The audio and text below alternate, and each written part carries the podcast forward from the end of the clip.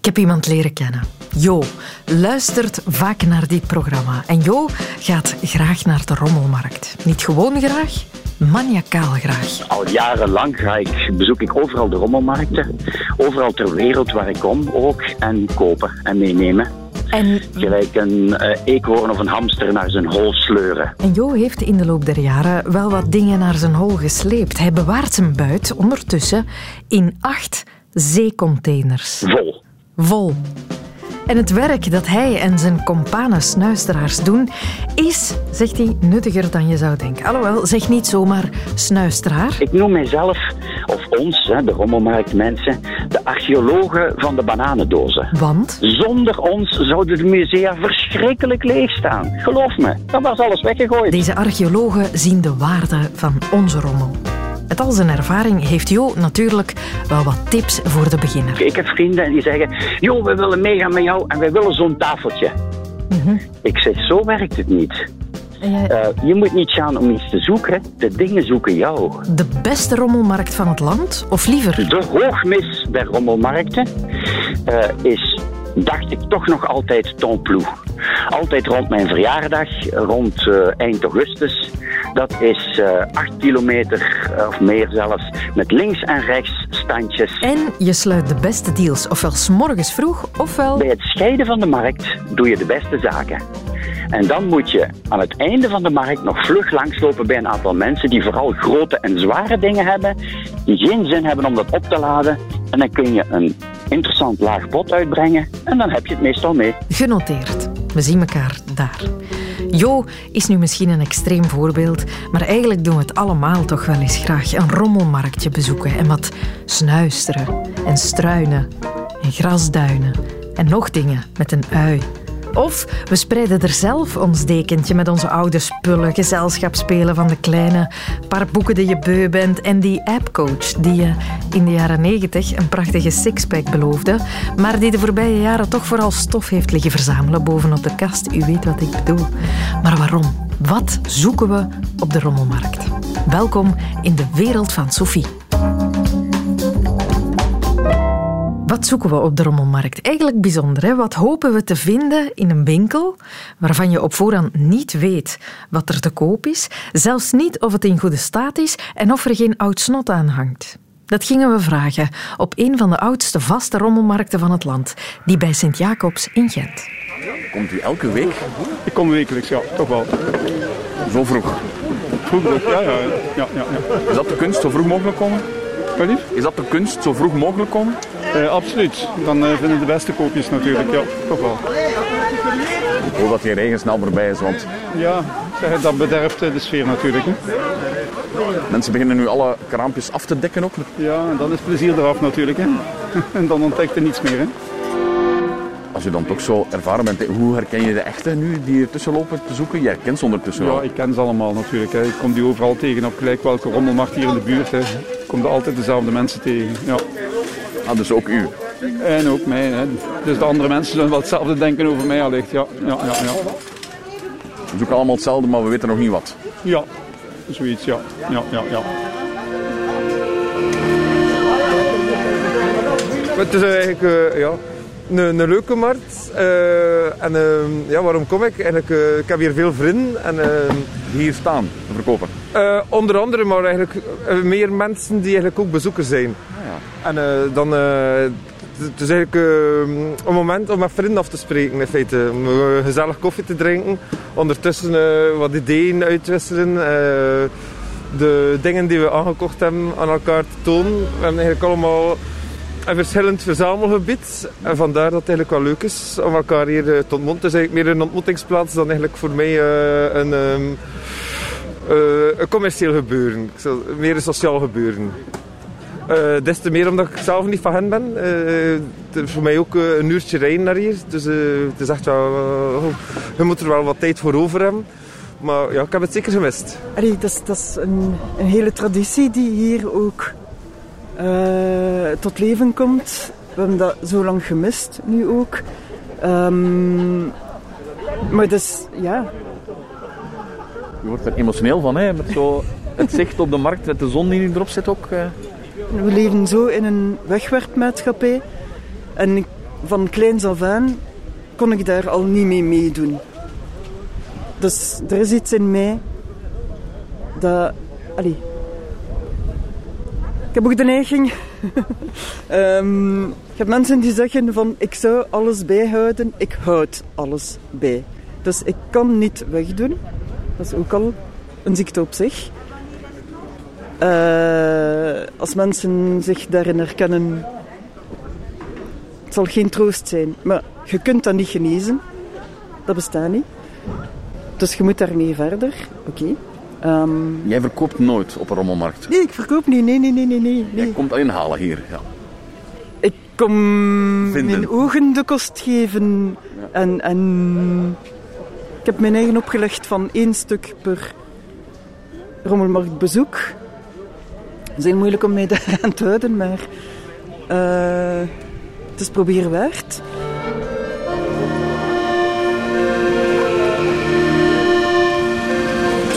Op den duur, eh, als je wekelijks eh, naar markten gaat, dan heb je al zodanig veel dat je niet echt nog iets zoekt meestal. Maar toch vinden we altijd iets. Is dat, hè? Ja, ja. Dat, is wel het aangename ervan. Wat is wat mooie dat jij hier al gevonden hebt op zo'n markt? Uh, goh, voornamelijk nostalgische zaken. Zaken die ik zo ken van vroeger, van in mijn jeugdtijd en zo. Bepaalde speelgoed, autootjes, van Dinky Toys en dergelijke meer. Ja. Ah, je zoekt echt wel een beetje in het verleden. Hè? Ja, toch wel. Het is een beetje de nostalgie die uh, boven komt. Ja. Boven staan er ook. Ik zie daar al blauwe lucht als het er goed uit. Het zal wel opklaren. En de grotere massa van het volk die komt toch altijd iets later. Hè? Maar ik zeg dan, de schoonste kopjes zijn dan meestal wel weg. Hè? Ah, het is toch een beetje een wedstrijd hier nu op dit ja, moment. Ja, in feite wel. Ja, ja toch wel. Ja. Ja, ik, ik koop het muntstukken. Muntstukken? Ah ja, oeh. Dat is geld, ja, dat is oké. Okay. Dat, dat, is uh, oud geld, ja, dat, dat klopt. Uh, oude betaalmiddelen, ja. Ik ben zelf verzamelaar, vandaar. Dat is wel heel gerecht. En dat vind je op rommelmarkten? Ja, inderdaad. Dat, uh, dat wordt hier soms te koop aangeboden, vandaar. Ik verzamel al meer dan 30 jaar en ja, ik heb er wel wat kennis van. Ja, je begrijpt dat de volgende vraag nu is van ooit al op een schat gestoten? hier op de markt? Nee, jammer genoeg niet. Nee. nee. Uh, voor mij een kleine schat is X-Fin, waar dat er uh, naderhand wat, wat, wat, opzoekingswerk bij komt, waardoor dat je eigenlijk jezelf moet ook uh, terug verdiepen om eigenlijk ja, de, de herkomst en dergelijke daarvan terug te vinden. Dat is voor mij al een schat. Ja, de rommelmarkt op zich, dat is, allee, dat, dat, is, dat, is, heel, dat, is, dat is een leven, hè? Dat, is, dat is een, een maatschappij op zijn eigen. En, en Oké, ja, je kunt zeggen van er zijn veel mensen die gericht zijn op doorverkopen van. Maar zelfs die mensen die doen dat met zo... Ja, ik durf zelfs spreken van magie. Die er, die er zo... Er gebeurt iets zo tussen de verkoper en degene die het ervoor hem heeft. En, en op een duur, ja, zo'n klein rommelmarktje Iedereen kent iedereen. Um, je komt daar constant dezelfde mensen tegen. Uh, Oké, en, en allee, ook tussen de verkopers en de bezoekers. Je wordt op een duur met, met de naam aangesproken. En, en... Ik weet niet goed, ik, uh, ik wil niet te onbescheiden zijn, maar uh, heb je al dat ene stuk gevonden vandaag? Ja, een kantklosskussen een kantklos. Helemaal onder het stof bij die man trouwens. En heeft het daar opzij gelegd. Um, dat, dat kussen zelf is helemaal niet meer bruikbaar. Maar er ligt nog een werk op dat net afgemaakt was. In de jaren stilletjes waarschijnlijk, want het ziet zo vergeeld uit als dat goed is. Zo nog op het papier dat er uh, onder lag als patroon. Dus het is, gewoon... het is niet af. Het is, niet af. Het is af. Dat is het merkwaardige, maar nooit eraf gehaald van het kussen. Dus dat vind ik ongelooflijk. Het is een kunstwerk op zijn eigen. Die, die klossen die zitten in elkaar geknosseld, zo erbovenop ook. En, en voilà. En dat correspondeert helemaal met mij, want ik ben recentelijk aan kantklossen begonnen. Dus voilà, die gerichtheid. Jullie hebben elkaar gevonden. Eigenlijk wel. Eigenlijk wel, ja. Waarschijnlijk. Waarschijnlijk stond dat kussen te wachten totdat ik erop viel.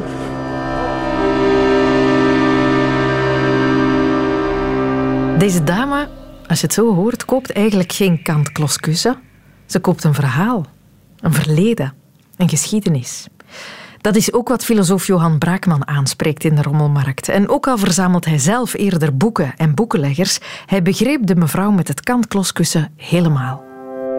Ik hoorde die mevrouw die op Sint-Jacobs uh, rondliep uh, vertellen over dat uh, kantklosskussentje dat ze gevonden had. Wel ja, dat roept allerlei ja, beelden op. Er was daar een vrouw aan bezig. Zij heeft dat gemaakt, dat voorwerpje, dat, er, dat, dat kussentje of wat het ook was, dat doekje, dat er nog op lag. Misschien is ze dan gestorven voor ze het kon afhalen enzovoort. Dus, uh, dus je, je leert respect hebben, denk ik, voor de dingen, hoe klein en hoe bescheiden ze ook zijn. Hè, want op rommelmarkten, ja, het is rommel voor veel mensen. Hè. Het is mm-hmm. brol, hè, het is afval zelfs. De, de, meeste mensen zouden het weggooien. Maar mensen die houden van rommelmarkten, zogenaamde rommel, ik denk dat die een oog hebben voor, ja, voor de schoonheid, voor de intrinsieke waarde, voor de geschiedenis, de emotionele waarde, de band die zo'n voorwerp vroeger had. Iemand heeft dat gemaakt met, met liefde, met kennis. Dus dat, dat geeft een absolute meerwaarde. En daarnaast werkt natuurlijk ook de spanning van de jacht mee in de aantrekkingskracht van de rommelmarkt. De, de trail, de kick van het zoeken van de jacht, zo je wil, en, en van het vinden, dat is natuurlijk een fundamenteel onderdeel. Hè. Je, je snuistert daar rond en je hoopt dat je oog op iets valt, dat je mooi vindt, eh, dat je raakt, dat je ontroert, iets waar je een band mee hebt, iets wat in je collectie past als je een collectie aan het aanleggen bent. Dus ik denk dat dat voor een groot stuk de motivatie is. De, de hoop om iets te vinden waarvan je niet altijd goed weet dat je het nodig hebt of dat je het eigenlijk zoekt. Mm -hmm. Een ongevaarlijk avontuurtje. Ja, dat, dat, dat is het. Hè, ja. Johan Braakman is trouwens niet de enige filosoof die van rommelmarkten houdt. Jaap Kruithof was ook zo iemand. Hij overleed in 2009 en had tegen het einde van zijn leven een waanzinnige collectie alledaagse gebruiksvoorwerpen die hij op rommelmarkten vond en die hem ook keer op keer wisten te inspireren. 10.000 voorwerpen schat men, die, die bevinden zich nu in het MAS in Antwerpen. Ja. Um, daar zaten heel uitzonderlijk ook wel eens bijzondere dingen tussen. Enfin, als je dat bijzonder wil noemen, bijvoorbeeld, hij had een rol toiletpapier uit 1950. ja. Ja, dat, dat, was toen ter tijd natuurlijk ja, nogal evident een gebruiksvoorwerp. Iets wat je niet bewaart. Hè. Je, je gebruikt dat en je spoelt dat door het toilet. Maar dus als dat dan toch bewaard wordt, met de reclamewikkel er nog rond en zo, ja, dan krijgt dat weer een speciaal karakter, nietwaar? Mm -hmm. mm -hmm. En dus eigenlijk elk, van zijn, elk stuk uit zijn collectie kon hem inspireren om er een boom over op te zetten, een, een stukje over te schrijven. Hij, hij, verwees vaak naar, naar zijn collectie en zijn lezingen enzovoort. Dus hij, hij liep daar alle dagen in rond. Hij schikte die voorwerpen, hij hield ze in zijn handen, hij mijmerde daarover, hij vroeg zich af ja, wat, wat, is de geschiedenis? Hij was trouwens een historicus op de eerste plaats ook, hè, qua opleiding. -huh. wat, wat zit daarachter? En dus dat was voor hem ontzettend inspirerend. Nu ging het Jaap Kruithof niet per se om de spullen. Zijn verzameling was ook een statement. Ik wil eigenlijk bewaren, begrijpt u? Wij gooien alles weg. Dat is de kapitalistische, moderne, westerse samenleving. Iedereen vindt dat normaal, ik vind dat vervelend. Dus ik wil bewaren omdat als je niet bewaart de planeet eraan gaat, dan gaat alles kapot. Dus als je altijd maar verbruikt, consumeert enzovoort, dan maak je zoveel schade aan vervuiling en aan opgebruiken van grondstoffen, dat een verstandige filosoof weet dat we dan over 50 jaar voor de afgrond staan. We leven in een wegwerpcultuur, nietwaar? En uh -huh. waar, waar Jaap Kruithof op wijst, het kapitalisme, het is eigenlijk de, ja, de bedoeling dat je spullen weggooit, nietwaar? Want, want je moet immers nieuwe dingen kopen, anders uh, stokt en stopt de markt. Hè? Dus in, in die visie hebben de dingen amper nog waarde. Ze mogen niet te veel waarde hebben, ze moeten weggegooid worden. Dat is een elementair onderdeel van het hele systeem. Als je daar een beetje bij stilstaat, dan begrijp je, ja, hier, hier is iets ernstig fout, nietwaar? Uh -huh. En Jaap ja, uh, breidde dat ook uit naar allerlei andere zaken. Je hoorde hem al naar eh, de bescherming van de natuur verwijzen. Ja, denk aan soorten, daar had hij het ook al over. In de jaren negentig waren we ons daar al goed bewust van natuurlijk, dat de biodiversiteit onder druk stond. Dus we moeten soorten beschermen, dus in die zin ook bewaren. Zorgen dat ze niet door ons toedoen uitsterven. En belangrijk daarbij, ik leg hier een link met zijn eigen collectie. Die collectie, dat, dat waren prullen, dat waren prularia. Op zichzelf zouden mensen daar niet zoveel voor geven. Jaap gaf er zelf maar 100 frank aan. Mhm. Maar je kunt dat ook toepassen op de soortenbescherming. Het mag ons niet alleen gaan over de tijgers en de panda's en, en de olifanten. Uh, je moet ook voor de insecten bijvoorbeeld zorg dragen. De bij is ook belangrijk. De, de bij, ja, voor de bij hebben we nog sympathie, niet waar, want die geeft ons honing en zo. Maar ook allerlei insecten die wij misschien vervelend vinden. We weten dat ze in vrij snel tempo aan het uh, verdwijnen zijn. Wel nu, uh, de insecten, dat zijn bij wijze van spreken, ja, dat, dat is de brol, de rommel van de natuur. Hè, waar wij niet omgeven, daar willen we vanaf. Maar dat is fout. Hè, want die insecten, dat zijn ook de kanarietjes in de koolmijn. Hè. Als het daar fout loopt, dan, dan zal dat impact hebben ook op, op het grotere geheel van de dingen, op, op de hele ecosystemen en ga zo maar door. En ik denk dat Jaap dus in zijn collectie ja, die, die filosofische betekenis ook wel, uh, ook wel zag. Maar Lasse, had je dat verwacht in deze podcast? Zoveel zinnige praat over rommel. Ah, ik ben nog niet klaar trouwens, want ik had nog een superboeiend gesprek met professor Ilja van Damme. Hij is professor stadsgeschiedenis aan de Universiteit Antwerpen. En ik sprak met hem over ja, het ontstaan van de rommelmarkt, de vroegste rommelmarkten. En ze bestaan al lang. Alleen sprak men toen niet zo neerbuigend als wij vandaag over rommel. Ja, voor de 20e eeuw sprak men eigenlijk niet zozeer over rommelmarkten, maar was een, een courant begrip dat je in, in tal van historische bronnen terugvindt, oude markten. En dus die oude verwijst dan naar eigenlijk uh, oude tweedehands goederen, goederen die worden hergebruikt. En dat was eigenlijk een heel courante praktijk. Hè, voor kledij, textiel, voor huisraad, meubels. Overal in Europa vind je die dergelijke oude markten terug. En dat duidt eigenlijk op een aspect van schaarste. Er wordt doorheen de geschiedenis heel veel gebruikt, herbruikt. Er wordt heel zorgzaam omgesprongen met allerlei goederen. Kledij wordt hersteld, huisraad wordt gerecycleerd. En dat wordt eigenlijk door, eh, lagen van, door, door alle lagen van de bevolking gedaan. Het is, het is, je kan het bekijken als een vorm van slimme consumptie. ook, ook welgestelde consumenten doen daaraan mee. Ah ja. Neem ja, neem bijvoorbeeld het, het, het uh, mooi voorbeeld is een, een, een bed. Hè. Dat was vroeger een, een, heel duur, maar ook essentieel onderdeel van je huisraad. Je kon bijvoorbeeld niet in het huwelijk treden als je geen bed had. Hè. Letterlijk, het huwelijk werd geconsumeerd in een bed.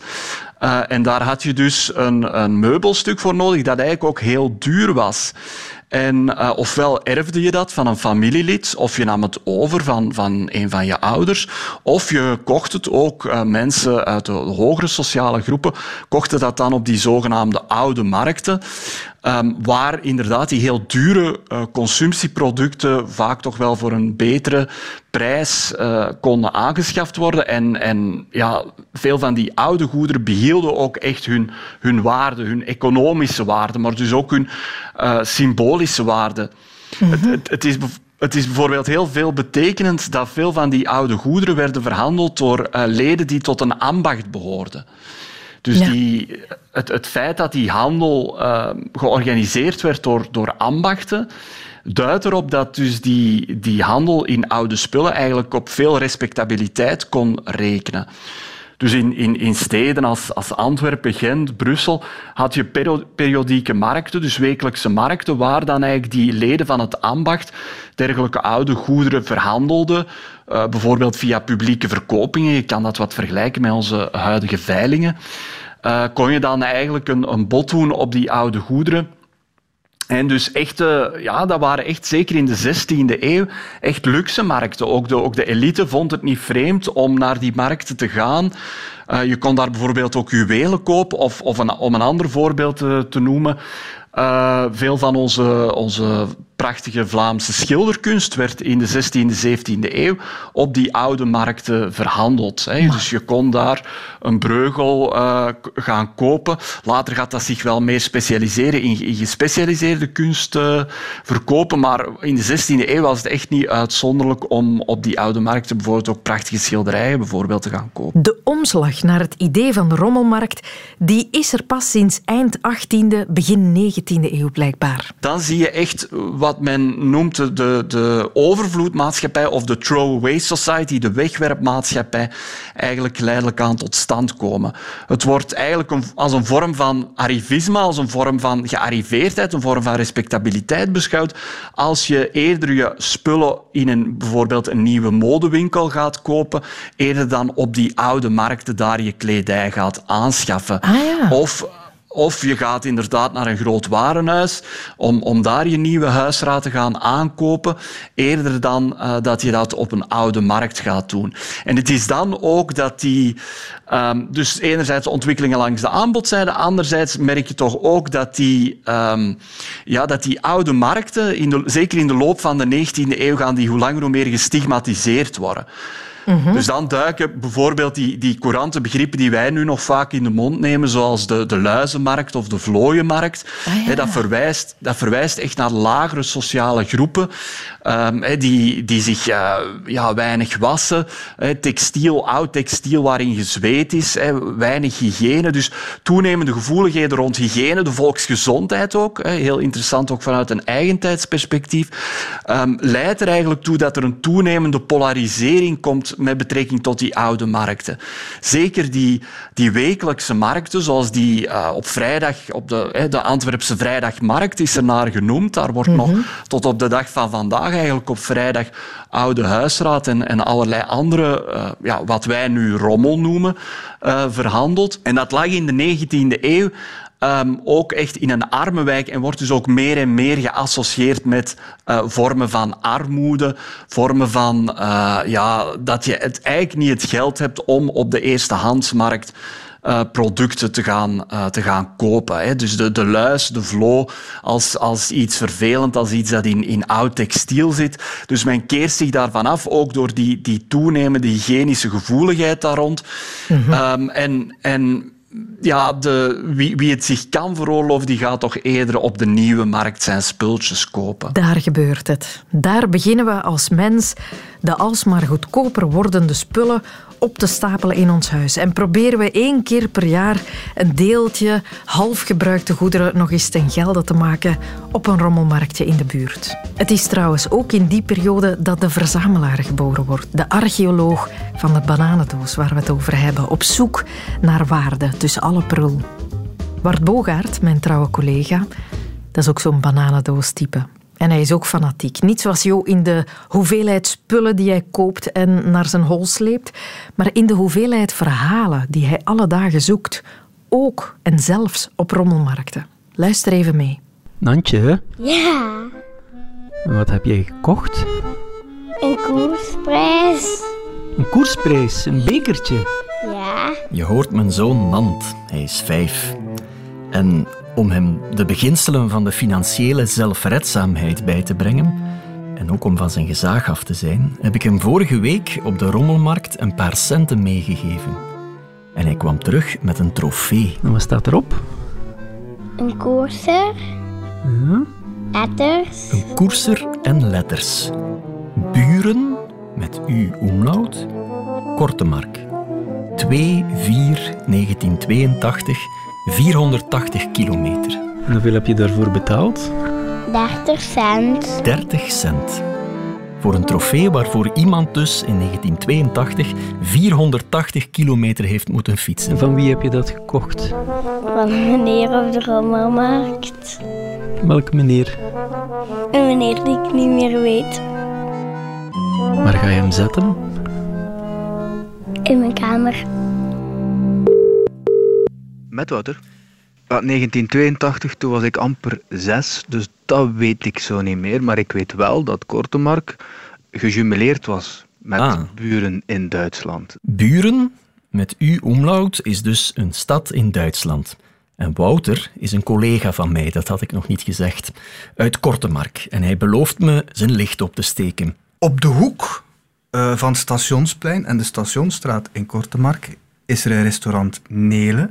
En daar zit altijd dezelfde klik aan de toog en daar zitten mensen bij die u verder zullen kunnen helpen. Er waren twee mannen die vooral uh, die hele verbroedering hebben getrokken. Eén daarvan was Paul van Henis. Paul van Henis. Paul van Henis, ja. In de scouts hadden wij altijd het grapje. Begint met een P en het eindigt op Enis. Wat is het? Paul van Enis. Paul van Enis, dus ja. Paul was de eigenaar van Nele, maar uh, Paul is evenwel al overleden. Ai. Maar zijn zoon is er wel nog. Jean-Paul van Enis. Ja. Hij zal je kunnen helpen en er is een tweede man die daar heel veel moet over weten en dat is Roger Goderis. Ik dus naar café-restaurant Nele in Kortemark. Dit keer hier. Ah ja, dat was... Ja, dat is juist. Maar dat ook gekregen. Jean-Paul van Henis, de uitbater van de Nele, kan zijn ogen niet geloven. Hij verdwijnt even en komt terug met een hoop glazen, vouwmeters, een gedenkmunt. Dat is die ene goede geluiden van buren, zeg ik. Waldkruis, buren. Dan heb je hier eh, een schone pot. Iedereen krijgt een gruze als buren. Dus groeten uit buren. Voilà. En als je op de rommelmarkt op plek je zonen, 50 cent. Hij begint er zelfs spontaan Duits van te spreken. Ik kan zeer goed Duits spreken. Ah, is dat zo? Ja, ja dat is zo. Ze moesten ze Sie haben immer gesagt, wenn Sie nach Deutschland gehen, Sie mussten die Knackwursten lieben und die Frauen. Und, und du liebst beide? Ja, ich liebe eben alle. Eddie van Steenkisten, die hier is komen bijzitten, is oud schepen van de gemeente. En hij stond mee aan de wieg van de verbroedering tussen de beide gemeentes. Ja, ja, ja. ja. Welke, welke herinneringen roept dat nog op bij u? Oei, oei, oei, oei, oei. 82. Uh, ja, soms een beetje benevelde herinneringen. hoe later om de avond, hoe mooier. Maar dat is nu van die fietstocht geweest. Hè. Van die fietstocht, ik zie het hier staan, 480 kilometer. Uh, ja, eerst zijn ze te voet. Uh, zes, uh, een ploegteam, estafette. In 79 zijn ze te voet van Korte Markt naar Buren getrokken voor ergens een goed doel. En dan waren er natuurlijk fietsers die jaloers waren en die vonden dat ze ook iets moesten doen. Dus uh, ze hebben dan gefietst en dat aandenkentje hier is daar nog van. Hier is schepen Eddy leunt achterover, vouwt zijn handen op zijn buik en doseert. En als Eddy spreekt, zwijgen ze in Kortemark. Zoals alles hier heeft ook de verbroedering te maken met de Grote Oorlog. Eigenlijk is die verbroedering gestart een beetje, een beetje domweg in 80. 13e A was dan gelegerd in Buren. En de commandant van 13e A en de burgemeester van Buren, dat waren twee dikke handen op één bier, bierbuik. uh, alhoewel dat dat heel verstandige mensen waren, dus dat is niet, uh, niks negatief. En uh, het 13e A had in Arvandel in de tijd, in de Eerste Wereldoorlog, gevochten in Kortemark. En zo zijn die mensen hier op het gemeentehuis geland met de vraag of wij niet wilden verbroederen met het 13e A. Er was eerst wat achterdocht. Dan kreeg je nu en dan een keer, ja maar geen moffen in mijn kot, hè. die je mag met iedereen afkomen, maar niet met Duitse. Maar al snel brak een prachtige periode aan voor het korte Markse volksleven. In 1979 was er een voettocht. Dat was zo een estafette. Moesten we er ongeveer alle 40 kilometer doen. En ik moest gaan met, een, met een, van het leren van mijn kapitein. Ik kan nog nooit in heel mijn leven 5 kilometer gaan. Maar de kapitein zei, allee kom, door eens, door eens. Ik had dat eigenlijk nooit meer doen. Het stomste van mijn hele leven gedaan heeft. En in 1980 een spel zonder grenzen. Dat was er ook nog een proef met paarden daartussen dat me aan het uh, herinneren. En dat was dat, was dat nadat we aangekomen waren herinneren. En onze man die had de eerste dag al heel goed gevierd. En uh, met die paarden, dat was met ponies, moesten ze, moesten ze naartoe rijden. En een van onze kerels die zat, die zat achterstevoren op zijn paard. Aan een tafeltje wat verderop zit al de hele tijd een oudere dame het gesprek te volgen. Ze geniet zichtbaar. Ja, je maat, Simontje, maakte hier het eten gereed voor de oude Dutsje die kwam. En Simontje, wacht, Simontje, jij bent, jij bent de mama van Jean-Paul, hè? Ja, ja, En jij kookte voor de Duitsers. Ze waren bij 40 de- afge- afgekomen voor eh, dus de vergadering. hè. En ik moest eten klaarmaken. Ze wat moet ik nu klaarmaken voor die mensen? Ze zijn gewend van varkensvlees te eten. Hoe ga ik nu varkensvlees weer terug eten maken? Ze zei tegen mijn man, tegen Paul, zei, van voorgerecht, wat ga ik doen? Hij deed tongrolletjes. En ik, zei, ik vroeg daarna zei, hoe je het smaakt. Simon zei, de volgende maal moet je die tongrolletjes klaarmaken voor voorgerecht en dan voor nagerecht. Dus moest zien dat het. Het moest zijn, ja. Het moest zijn, ja. Eddy geeft een tournee generaal. Jean-Paul tapt pinten in glazen met Grüße aus Buren erop.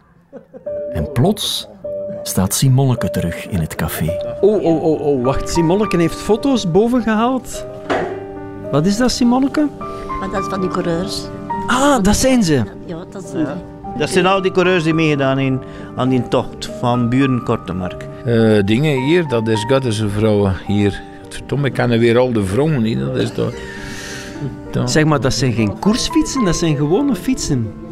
Ja, maar die kwamen wel met gewone fietsen. Ja.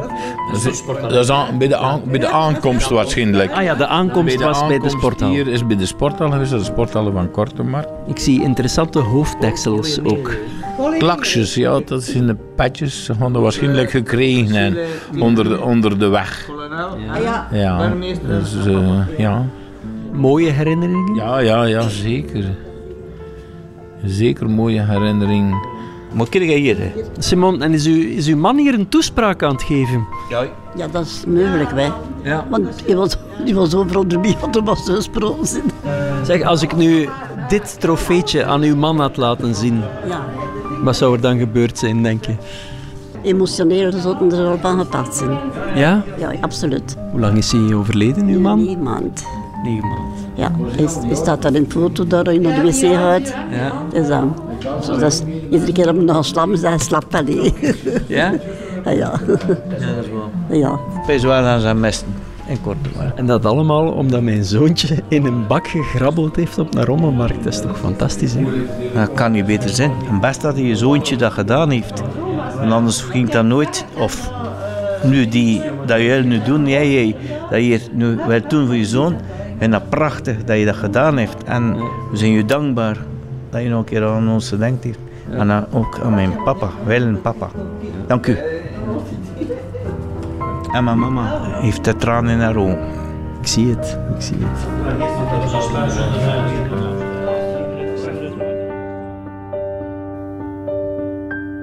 Voor enkele eurocenten kocht Wart zich een trofeetje, een blij kind, een schoon verhaal en een paar nieuwe vrienden. Daar kan je niet voor sukkelen, hè?